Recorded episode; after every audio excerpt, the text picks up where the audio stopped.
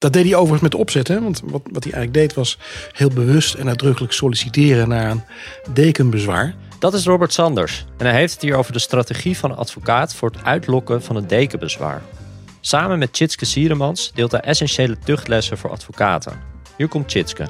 Nou, volgens mij is een kantoorstempel is misschien leuk om te hebben. Als je van stempelen houdt. Maar uh, een kantoorstempel is in feite nergens voor nodig. Die kantoorstempel die hangt dan weer samen met een advocaat die overeenkomsten legaliseert. Uh, we hadden het er net voor de uitzending al even over, Robert en ik. Een advocaat heeft eigenlijk niks te legaliseren. Er komt dus een hoop langs in deze aflevering. En we hebben het ook over de zorgplicht voor advocaten. Uh, maar de tuchtrechtelijke plicht, de deontologische zorgplicht van de advocaat, ja, die, bleef, die bleef overeind in deze uitspraak. Hoe je die vraagstuk op de juiste manier aanpakt? Je hoort het in aflevering 7 van de Tuchtkast, passend en geboden. Waarin tuchtrechtexperts Tjitske Sieremans en Robert Sanders de actuele tuchtzaken tegen advocaten bespreken. Mijn naam is Hidde Bruinsma en dit is een podcast van het Advocatenblad. En wij maken deze in samenwerking met onze partner PO Online. Tjitske Robert, welkom. Voordat we naar de eerste zaak gaan, ik, was even benieuwd. We hebben het in deze podcast hebben we het altijd over tuchtzaken tegen advocaten. Is het nou ook zo dat als een advocaat een tuchtzaak aan zijn broek krijgt, dat hij ook een advocaat inhuurt om hem of zij weer te helpen met de verdediging in zo'n tuchtzaak? Ja, was maar waar. Nou ja, kijk, de meeste, meeste zijn wel zo verstandig om uh, zeker niet alleen naar zitting te gaan. Uh, bij de Raad van Discipline. Dat lijkt me, denk ik, sowieso wel heel verstandig. Uh, maar er zijn altijd nog advocaten die denken, nou, ik kan dat zelf wel af. dat kan. Hè? Je hebt geen verplichte procesvertegenwoordiging of iets dergelijks bij, bij de tuchtrechter. Dus je kunt er gewoon zelf je eigen zaak bepleiten. En de meeste advocaten zullen ook denken, nou het is een procedure, dus dat lukt me wel. Maar ja, het blijft toch, zou ik denken, uh, je eigen situatie. Het gaat om uh, de toetsing van je eigen gedrag. Ja. ja. Er zijn ook veel uh, advocaten die iemand van hun eigen kantoor meenemen. Kan je ook over nadenken of dat handig is. Omdat het kantoor soms ook een eigen belang heeft. Of al zucht met het idee dat er misschien ook een claim achteraan komt. Dus um, ja, ik, ik, ik ben altijd wel voor afstand en uh, vraag iemand anders mee. Ja, nou verschillende smaken mogelijk dus. Ja, misschien ook een idee om na te denken over hoe je dat in je beroepsaansprakelijkheidsverzekering regelt. Je kunt uh, proberen om in je polis op te nemen dat ook het voeren van een tuchtzaak, de kosten daarvan worden gedragen door je verzekeringsmaatschappij. En ja, er zal dan mogelijk wel aan vastgehouden worden dat je dat er dan wel een probleem moet komen met een claim tegen het kantoor.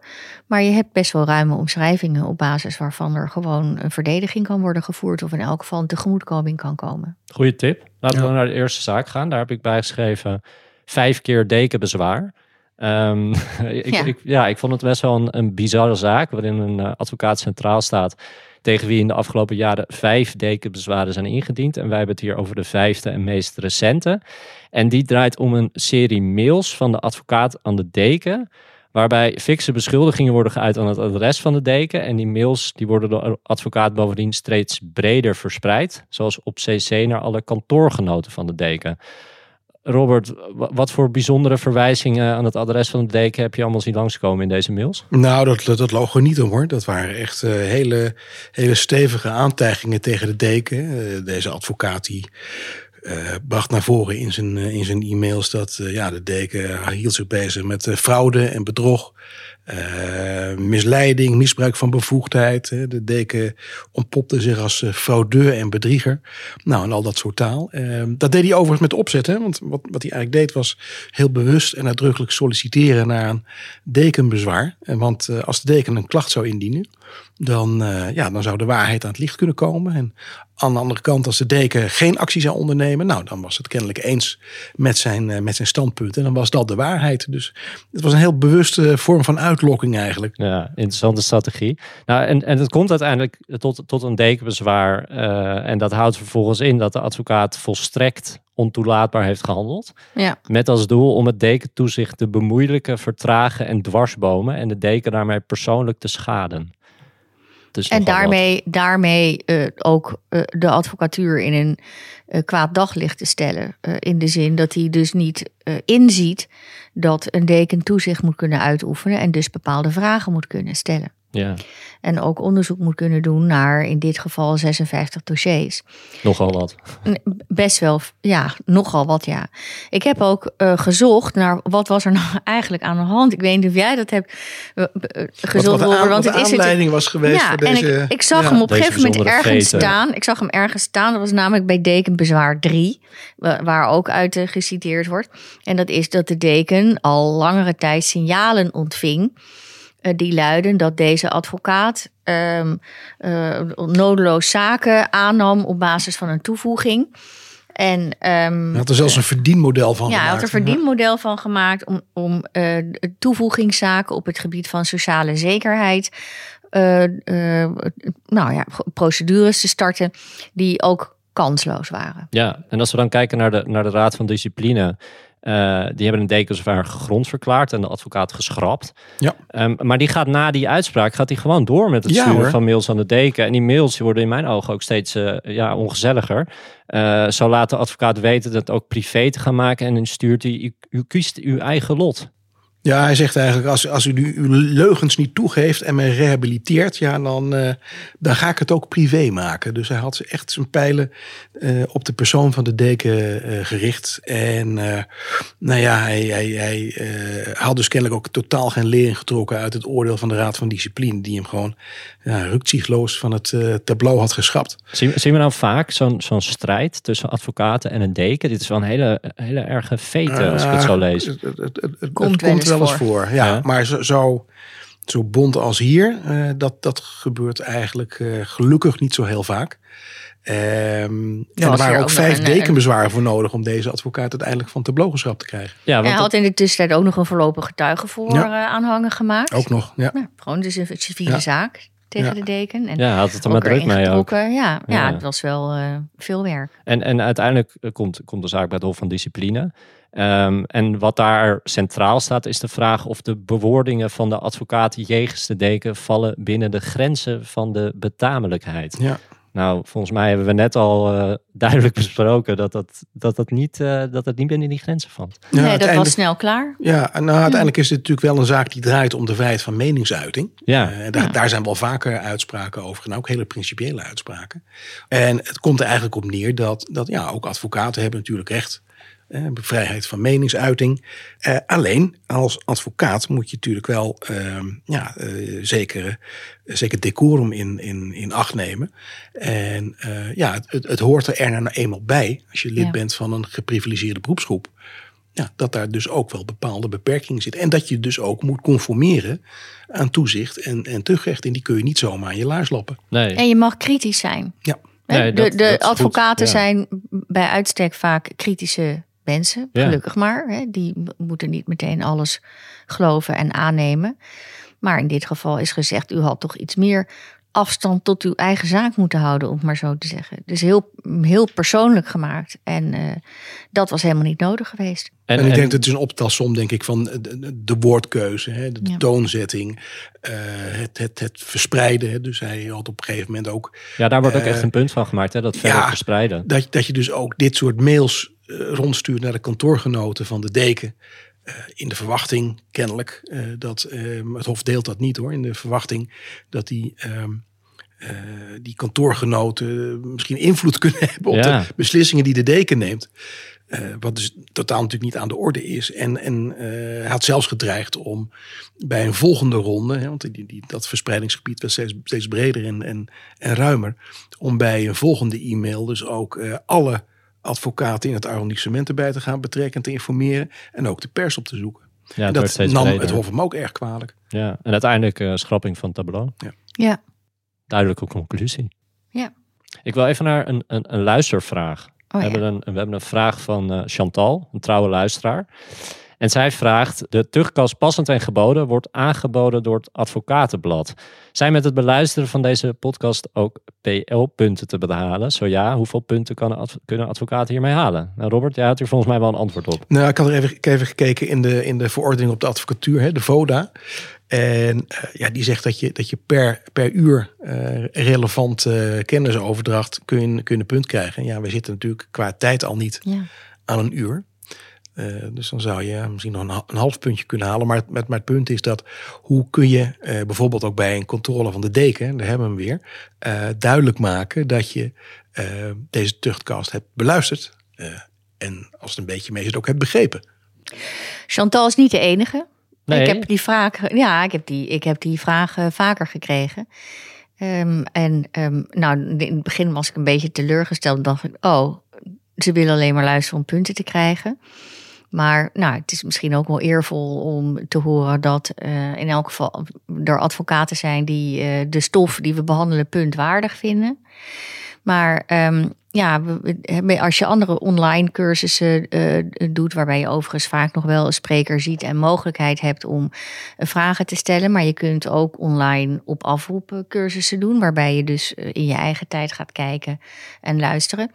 Ja, dan heb je die controlevragen nodig en daar zouden we dan toch, we zouden naar een uur toe moeten en we zouden naar controlevragen toe moeten. En een keer bellen met een deken om. Ja, uh, ja. ja uiteindelijk is, ja. zal de deken daar natuurlijk uh, iets, iets over moeten, moeten, moeten vinden, van moeten vinden als, als toezichthouder. Nou, Chantal, we, we, gaan het uitzoeken. Uh, en we, we komen Kom erop terug. terug. Ja. Uh, en mocht je nou luisteren en zelf een vraag voor ons hebben, of een inhoudelijke vraag over tuchtrecht, stuur dan een mailtje naar redactie.advocatenblad.nl. En dan gaan wij naar de volgende zaak.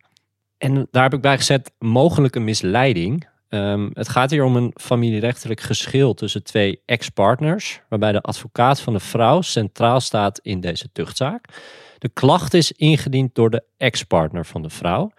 En de kern van het geschil draait om een overeenkomst die de afspraken over het ouderschap en gezag over hun dochter bevat.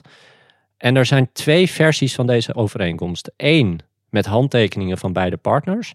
En een andere waarop alleen de vrouw heeft getekend, maar wel met het stempel van het advocatenkantoor van de advocaat op de overeenkomst.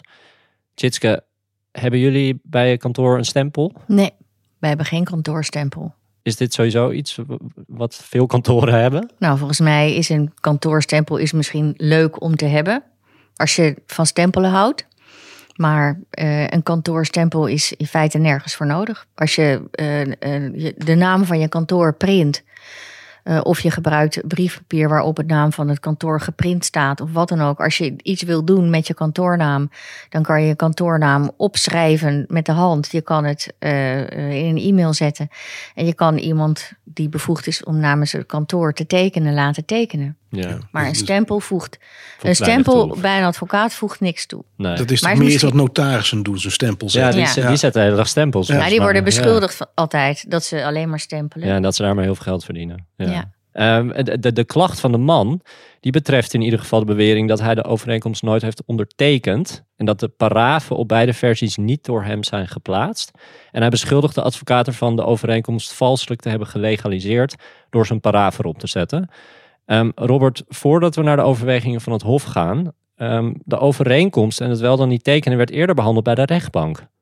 En de rechtbank heeft op basis van uitgebreid deskundige rapport geoordeeld dat de man de overeenkomst heeft ondertekend. Ja. Dan, dan, dan hebben we toch eigenlijk al het antwoord. Ja, de, de, de, rechter, de gewone rechter zegt, nou, de, deze overeenkomst is door de man ondertekend. Dat, dat is een, een vaststaand feit. En daar hoeven eigenlijk ook helemaal geen woorden meer aan vuil te maken als ik het, eh, als ik het zo lees. Maar in de tuchtprocedure wordt er ja, toch nog wel even op andere zaken uh, in, in uh, gezoomd. Het gaat vooral over die legalisering. Ja, vooral die legalisering. En ehm, ja, de raad is in eerste instantie ook tot de conclusie gekomen ja, dat er eigenlijk helemaal geen, geen, geen grond is om vast te stellen dat, ja, dat deze advocaat de overeenkomst zelf vervalst zou hebben.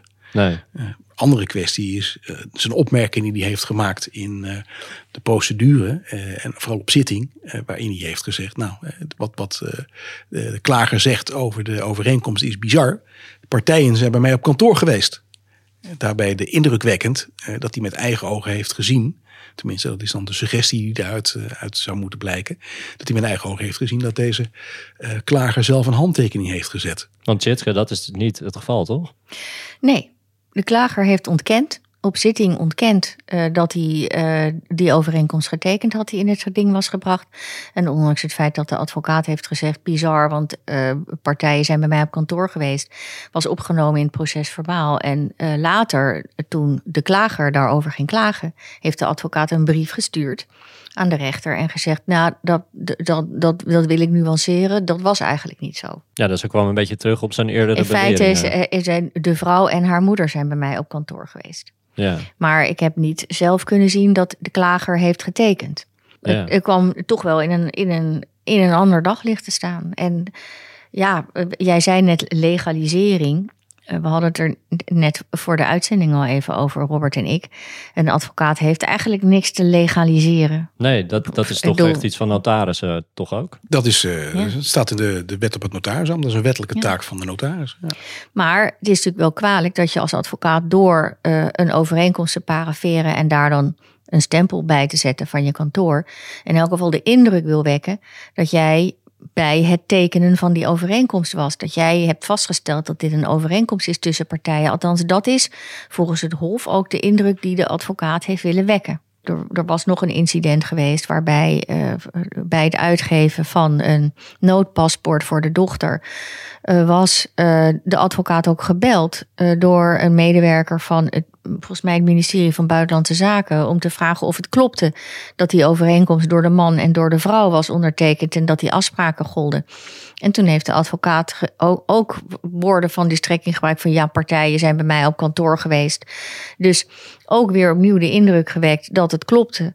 Ja. En ja, dat, uh, daar, daar kon hij niet achter staan, want de man was nooit bij hem op kantoor geweest. En hij heeft dus niet kunnen zien dat die man de overeenkomst heeft getekend. Ik denk dat dat de kern van de zaak is. En het Hof neemt hem dat kwalijk, omdat hij daarmee de rechter heeft misleid. En in feite ook onderdeel is geweest van het uitgeven van het noodpaspoort. Waarmee uh, de vrouw uh, het kind heeft kunnen meenemen. Iets waar de man nu tegen strijdt. Nou ja, zeker als je ziet dat het Hof ook, ook en dat is op zich natuurlijk heel mooi geformuleerd. Het Hof zegt dat hij uh, in het kader van die, legalisering, en dat staat tussen, tussen, tussen aanhalingstekens, hè, dus dat moeten we niet te serieus en letterlijk nemen. Maar daartoe heeft hij dus wel het maatschappelijk gezag ingezet. Dat de advocaat in de samenleving geniet. Dus eigenlijk gezegd, ehm, het, Hof zegt eigenlijk, je hebt het vertrouwen en je status en je positie als advocaat misbruikt ten behoeve van de belangen van je eigen cliënt. En um, daarmee heb je dus op zijn minst genomen het risico ook aanvaard dat de rechter ter zitting zou kunnen worden misleid. Nou, dat zijn eigenlijk best, best hele uh, een formulering van best kwalijk gedrag. En als je dat afzet tegen de maatregel die is opgelegd, ja. ja dan valt die denk ik uh, nog wel in, in het voordeel van de advocaat uit. Twee weken voorwaardelijke schorsing. Ja, ja, dat valt allemaal mee. Komend van een waarschuwing bij de raad. Ja, ja. ja en al een rechtelijk verleden stond er ook. Ja, nou, er was ten opzichte van de uitspraak van de raad flink opgeschaald. Van een waarschuwing naar een voorwaardelijke schorsing is, dan sta sla je in elk geval de stap van berisping uh, over. Maar um, er bleek uit de uitspraak blijkt dat de, deze advocaat meer klachten heeft gehad en ook meer gegronde klachten heeft gehad met allerlei maatregelen. En ja, dan zou je toch wel verwachten dat er misschien iets meer uit de bus komt. Laten we naar de volgende zaak gaan. Ja, bij de, bij de volgende zaak heb ik opgeschreven retentierecht. Um, en dat gaat over een uh, softwareontwikkelaar, Klaagster in dit geval. En die had een geschil met de gemeente Leeuwarden over een opdrachtovereenkomst. En zij nam een, of een, een advocaat-verweerder in de arm om haar bij te staan in het hoge beroep in deze zaak. Um, en al vrij snel ontstaat er oneenigheid tussen Klaagster en de advocaat over de aanpak en communicatie in de zaak. En Klaagster besluit de samenwerking te beëindigen en een andere advocaat in te schakelen. Echter staan er nog wel wat uh, facturen open en wordt Klaagster verzocht deze te voldoen, waarbij de advocaat aangeeft dat het dossier pas wordt overgedragen aan de nieuwe advocaat van Klaagster als die betalingen worden voldaan. Dat gebeurt niet. De stukken worden dus niet overgedragen en er wordt een incasso-procedure opgestart tegen Klaagster. Robert, hoe vaak gebeurt het dat jij uh, cliënten hebt die niet betalen? Daar kan ik geen uitspraak over doen natuurlijk. Ik heb een geheimhoudingsplicht, dat begrijp je. maar um, als je kijkt naar het aantal zaken wat, wat, wat speelt, dat komt nog wel eens vaker voor. Dat inderdaad wordt geprocedeerd, ook tegen de cliënt, om uh, betaling alsnog uh, ja, uh, zeker te stellen. En dan zie je ook, wat in deze zaak gebeurt, is dat de advocaten dan een beroep doen op een retentierecht. Dat ze zeggen, nou ja, eerst betalen en dan draag ik het dossier pas over. Ja, want Tjitske, de klacht komt daar uiteindelijk op neer. Over ja. op dat retentierecht. Van de advocaat zegt, nou, ik draag het dossier niet over totdat er betaald is. Ja, een advocaat zegt ook, kan heel snel hoor betalen. Ja, Je kan een Dat zegt hij wel drie spoedoverboeking keer. doen. Je kan een spoedoverboeking doen en dan kan ik het meteen op onze rekening zien staan en dan geef ik de stukken af. Maar het is iets meer dan dat, heren, want eh, het gaat ook over de vraag: wat valt daar dan onder? ja. en niet exact, alleen de ja. vraag of je een retentierecht hebt en hoe je dat mag uitoefenen. Maar laten we misschien dat stukje eerst even behandelen, want daar begonnen we ook mee. Hè? Dat je kijkt van, nou, in dit geval had die advocaat dus een zaak overgenomen in hoger beroep. Er zijn termijnen om de memorie van grieven in te dienen. En ehm, de advocaat eh, weet dus dat die termijn kan misschien nog een beetje worden verlengd, maar niet heel lang. En die zet dus die cliënt onder druk. Eerst betalen, dan stukken, wetende dat die stukken nodig zijn om dat, die, uiteindelijk die memorie van grieven in hoger beroep op te stellen. ja, dat moet niet twee jaar duren voordat je daar iets mee kan doen. Want dan Nee. heb je als cliënt Nou, dan een is het- probleem. Ja, en dan, Ja. en dan heb je ook, dan heeft die cliënt ook niets meer aan het werk wat die eerste advocaat heeft gedaan, terwijl die cliënt daar wel om betaling voor wordt gevraagd door die advocaat. hè. In dit geval was er nog zeker 23 uur eh, besteed aan het schrijven van de memorie van grieven, terwijl daar eh, geen stuk of, of geen document tegenover stond voor die cliënt. Die moest maar erop vertrouwen dat er iets was en dan moest er eerst betaald worden. Nou, dat onderdeel, daarvan wordt ook gezegd dat is niet netjes. Als je weet dat er termijnen spelen, of als je weet dat de cliënt een groot belang heeft bij het uitleveren van het dossier en van de stukken, dan moet je je goed afvragen: kan ik wel zo lang daarmee wachten? En als je wil wachten en je krijgt daar ruzie over, moet je de deken inschakelen om te vragen: deken, wat vindt u ervan? Kunnen we een oplossing bedenken?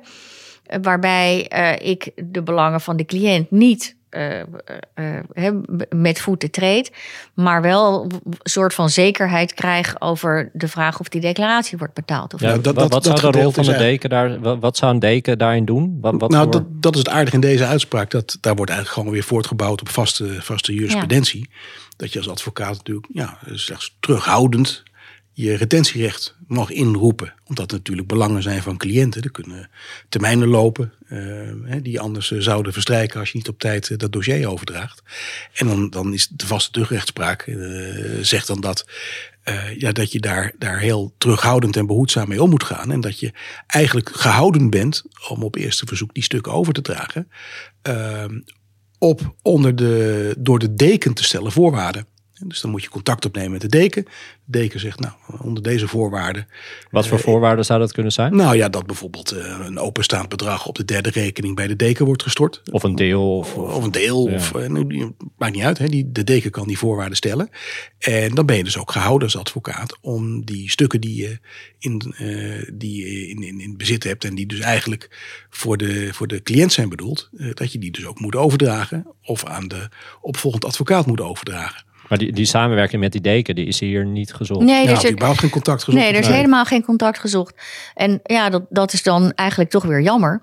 Want ehm, je ziet wel in de uitspraak staan dat de, de, de, de incassoprocedure, die dus die eerste advocaat is begonnen tegen die klaagster, dat die gewonnen is door de advocaat. Dus die declaraties moesten worden betaald. Ja, dus het was vrij makkelijk geweest voor deze advocaat om met de deken in gesprek te gaan en hier een constructie. Nou, je ziet hier wel, zie je dus wel aardig dat civiel recht en tuchtrecht niet altijd gelijk hoeven te lopen. Hè. Dat, dat gaat niet, eh, niet, niet helemaal parallel in dit geval. Want ja, de, de betalingsverplichting voor de cliënt die was er. Ehm, maar de tuchtrechtelijke plicht, hè, de deontologische zorgplicht van de advocaat. Ja, die bleef, Mooi die bleef gezegd. overeind in deze uitspraak.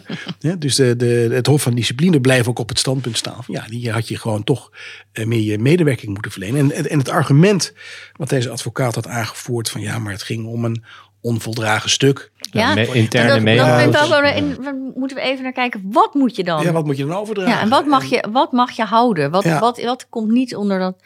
Ja, wat, Ja, want deze advocaat zei ja, het ging vooral om interne memo's Ja. en, en de, de rest was nog niet af en de officiële stukken waren nog aan het werk. Dat, dat, dit kan ik nog niet opsturen, want ze heeft er nog niks aan. Ja, even, nou ja, ik, ik snap het aan de ene kant wel. Kennelijk is er wel iets van een, een stuk opgeleverd waarin stond van dit gaan we ongeveer doen. In de memorie van grieven. En een belangrijk onderdeel van, daarvan zou worden een deskundige advies wat nog ingewonnen werd. En vervolgens is er nog wel lange tijd aan het stuk gewerkt. Althans, dat is wat er uit die declaratie kan worden afgeleid. Hè. Die 23 uur die ik net uh, noemde, dat, dat leek toch wel te maken te hebben met de memorie van grieven. Maar er is niks meer opgeleverd. En de cliënt heeft dus gezegd, ja, jullie hebben nog een tijd zitten werken. Ik wil gewoon alles wat jullie in concept hebben. Maakt niet uit hoe het eruit ziet. Maakt me niet uit. Ik zou bijna zeggen of er een kantoorstempel op staat of niet. Ik wil het gewoon hebben. Daar is hij weer, die stempel. Daar is hij weer. En uh, de advocaten hebben gezegd: ja, kijk, interne aantekeningen voor eigen gebruik. Uh, ja, die, die vallen niet uh, onder het dossier wat ik moet afgeven. En, uh, en er is niks anders. Nee. En ze zeggen nog meer, hè, Robert, want ze zeggen ook: we hadden afgesproken dat we een voldragen concept Ja, zouden opleveren. Er was een werkafspraak. Nou ja, Ja, en die hadden we nog eh, niet, dus we hoeven niks te doen. nee, want we hadden afgesproken dat we pas iets Ja. zouden doen als we een voldragen concept zouden opleveren. Nou, en nog een aantal van dat soort verweren, maar dat wordt allemaal van tafel geveegd. En even antwoord geven, wat moet je opleveren? Ja, dus ook onvoldragen concepten, of die nou in de vorm van een memo zijn of al lijken op een memorie van grieven, het moet gewoon ingeleverd worden. Ja, want eigenlijk zegt het Hof van ja, de cliënt had er immers voor betaald. Hè? Dus Ja. ja. ja, dan heeft de cliënt ook recht op dat stuk. Ja. Ja, Ja, en uiteindelijk volgt de maatregel van waarschuwing. ja. En wat gebeurt er nu met de openstaande facturen? Eh, volgens mij was eh, de klaagster nog in hoger beroep gegaan van dat vonnis. En was dat nog niet. ehm, Maar die moeten waarschijnlijk gewoon op betaald worden. Ja, maar het is wel, wel door, Ja. door, door, door eh, de advocaat in kwestie is naar voren gebracht van ja, eh, eh, er is nog steeds geen van de declaraties is betaald. Eh, ook niet na, na het incasso-vonnis. Eh klaagster biedt immers geen, geen verhaal, zegt hij. Ja, wat er van waar is, dat moeten we maar aannemen. Want eh, ja, de- we, we weten dat verder niet. Dat wordt niet onderbouwd. Ehm, maar goed, het zou best kunnen zijn dat die, dat die declaratie niet wordt betaald. Maar daarvan zegt het Hof dus inderdaad van... ja, eh, die zorg om de betaling van die declaraties is begrijpelijk. Maar dat laat onverlet je plicht die je hebt als advocaat... om in dit soort zaken ook eh, met het oog op het belang van je cliënt... eh, of ex-cliënt in dit geval... om, die, om die belangen toch goed in het, in het vizier te houden. Ja. Ehm, ik wil even naar een stukje gaan over onze sponsor. Dat is namelijk PO Online. Ehm, want wij werken voor deze podcast samen met PO Online. En zij bieden meer dan 130 cursussen aan voor advocaten. En ze zijn online, dus je kan nascholen wanneer het jezelf uitkomt. De cursussen zijn interactief en worden constant bijgewerkt, zodat ze altijd gelijk lopen met de actualiteit. Ik ben even door de lijst met cursussen gegaan en ik zag onder andere dat de cursussen ontwikkelingen erfrecht en ontwikkelingen strafrecht een update hebben gehad. PO Online dus. Laten we naar de laatste zaak gaan. Daar heb ik bijgezet ehm, een bijzonder geval van een kwaliteitsklacht. En het gaat hier om de klager is een, eh, eh, iemand die door de rechtbank is veroordeeld tot TBS met dwangverpleging. En hij is daartegen in hoger beroep gegaan. En daarbij werd hij in eerste instantie bijgestaan door een advocaat. Maar die is door klager meerdere malen ontslagen. En het gerechtshof heeft toen op grond van artikel 509c van het wetboek van strafvordering een nieuwe advocaat toegewezen aan klager. Robert, wat houdt dat artikel in? Nou, je moet het in samenhang zien met eh, artikel 509a. Ja, als, de, als de rechter vindt dat bij meerderjarige eh, verdachte... eh, dat hij door een psychische stoornis niet in staat is zijn belangen naar behoor te behartigen... dan doet de rechter daar een uitspraak over. En in dat geval, dan komt artikel 509c in beeld... geeft eh, eh, de voorzitter van eh, het gerecht dan een... een last aan de Raad voor Rechtsbijstand om een raadsman aan te wijzen. Ik denk dat je het een beetje kunt vergelijken met artikel 13 van de advocatenwet, waarbij Ja. de deken een, een advocaat aanwijst. Maar het is in ieder geval.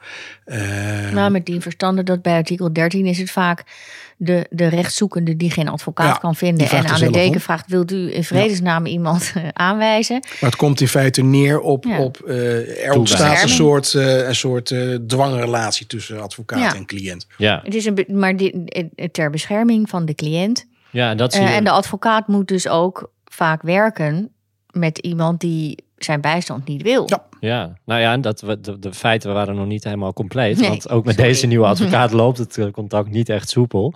Eh, klager wil de advocaat niet ontvangen, reageert ook niet op eh, enige communicatie. En dan gebeurt het volgende. Klager wordt namelijk in hoger beroep ontslagen van alle rechtsvervolging en heeft dus waarschijnlijk recht op een schadevergoeding. Maar zoals ik net al zei, reageert Klager niet op de berichten van de advocaat. Wat er uiteindelijk toe leidt dat ehm, ja, beide partijen onderling van elkaar een verzoekschrift indienen voor het ontvangen van schadevergoeding. Dus de klager doet dat, maar de advocaat die heeft ook zoiets van ja, maar ik moet wel de ja, belangen van mijn cliënt zo goed mogelijk behartigen, dus ik ga dat ook doen. Um, nou, ik leid eruit af, Hidde, dat de advocaat die, dat schadevergoedingsverzoek van die, van die uh, cliënt wel heeft gezien en heeft gedacht, dit is niet voldoende. Dit is ja, niet goed genoeg. Dat ook. er stond ook geen bedrag in, kennelijk. Was niet ondertekend, het was uh, Ja, er was van alles mee en, en hij kon geen contact krijgen, maar er staat een termijn voor. Hè? Dus ook hier een termijn. Drie maanden. Drie, het moet binnen drie maanden uh, moet het zijn ingediend. En de advocaat dacht, zo meteen lopen we uit de termijn. Dus ik stuur er een verzoekschriftje overheen, om het maar zo te zeggen. Namens de cliënt, hè, want hij kan alleen maar namens de cliënt optreden. Maar ik zie dat wel als mijn rol als toegevoegde advocaat om ook deze nazorg van schadevergoeding en kostenrechtsbijstand om dat verzoek in te dienen. Want dat behoort bij mijn rol als toegevoegde advocaat in deze strafzaak. Ja, Robert, jij zei net voor de uitzending, uh, als ik dit doe, bij een cliënt waar, waar gewoon die, die mij niet is toegewezen. En ik ga dan zelf een procedure beginnen zonder te overleggen. Dan heb ik een probleem. Ja, zeker. Nee, als je als advocaat in een normale advocaat-cliëntenrelatie uh, allerlei zaken gaat, uh, gaat entemeren die, die, die, waar, waartoe je geen opdracht hebt gekregen. Uh, ja, dan zit je terechtelijk eigenlijk altijd wel, wel, wel verkeerd. Um, er zijn ook wel uitspraken over dat, uh, dat advocaten er op, op, op eh, eigen houtje en zonder, zonder machtiging eigenlijk uh, uh, ja, allerlei procedurele stappen zijn gaan nemen. Dus in een normale situatie zou dat niet kunnen. Nee. maar hier dat, is dat anders. Nou, dat is het bijzondere van deze uitspraak. Dat, en, en, en dat zie je eigenlijk nog niet eens zozeer in de uitspraak van het Hof van Discipline. Want dat speelde nou in hoger beroep niet een uitdrukkelijke rol. Maar zie je vooral in de uitspraak van, van de raad die eraan vooraf ging. Dat een deel van de klacht gaat erover. Van ja, deze advocaat is, heeft op eigen houtje een verzoekschrift ingediend. En is ook nog eens een keertje zonder overleg naar de, naar de behandeling daarvan gegaan. Waarvan die zei, ja, ik had eigenlijk gehoopt dat ik mijn cliënt daar dan eindelijk eens een keer zou zien. Precies, want dat lukte voor die tijd nog niet. Ja. En, en uh, dan, dan kom je ook bij de kern van, van die uitspraak uit. En dat is namelijk uh, dat de raad eigenlijk zegt, nou, een, een advocaat die op basis van artikel 509c is aangewezen, die heeft een hele bijzondere advocaat-cliëntrelatie. En die brengt in dit geval mee dat een advocaat dus ook uh, zoals Tjitske al, al uiteenzette, uh, ja, tot zijn verantwoordelijkheid kan rekenen om bij een verzoekschrift dat aan alle kanten rammelt, uh, toch zijn, zijn verantwoordelijkheid te pakken. Uh, en binnen die ja, toch krappe termijn om dat te doen, een, een goed verzoekschrift in te dienen. En dat het ook vervolgens gaan toelichten op de zitting. Ja. Ik heb erbij gezet, niets doen is geen optie. Nee, nee. Ja. Niets doen was kwalijker geweest dan zonder ruggespraak te kunnen hebben met je cliënt deze actie ondernemen. Dat is eigenlijk de conclusie van de raad. En, ja, ja, Met hof, bij het Hof gaat het alleen nog maar over of, uh, ja, of de advocaat de zaak wel goed heeft behandeld. Precies. Ja. ja. ja. En dat, die conclusie is ook vrij duidelijk ja. Ja, die conclusie is ook ja. Wat, wat, wat, wat, wat, wilde een klager, wat wilde de klager hier nou mee bereiken? Nou, dat vertelt het verhaal niet. Uh, het, kan zijn dat, nou, het kan zijn dat de klager gewoon geen vertegenwoordiging wil. Die, die wil geen bemoeienis met zijn, met advocaat met zijn leven, met zijn zaken. Misschien. Ja, hij had zijn eerste advocaat, ken ik ook, meerdere malen ontslagen. Dat staat ook, jij zei dat net, ja, dat ja. staat ook in de uitspraak. Maar geen gemakkelijke positie voor de advocaat, maar wel duidelijk voor alle uh, 509c-advocaten die worden toegevoegd. En die um, hier tegenaan lopen. Als je dus nog nazorg moet betrachten. Nou, de boodschap is eigenlijk, als je je verantwoordelijkheid neemt, ja. Uh, ja dan word je daar dus door de tuchtrechter in dit geval geen uh, verwijt van gemaakt. Nee. nee. Dan komen we daarmee aan het einde van deze aflevering. U luisterde naar de zevende aflevering van de Tuchtkast Passend en Geboden. Alle tuchtzaken die we in deze aflevering behandeld hebben, zijn met een linkje naar de uitspraak terug te vinden in de show notes. Veel dank aan onze partner PO Online. Tjitske, Robert, dank voor jullie aanwezigheid en uh, scherpe analyse van de zaken. Mijn naam is Hidde Bruinsma. Dank voor het luisteren en tot de volgende keer.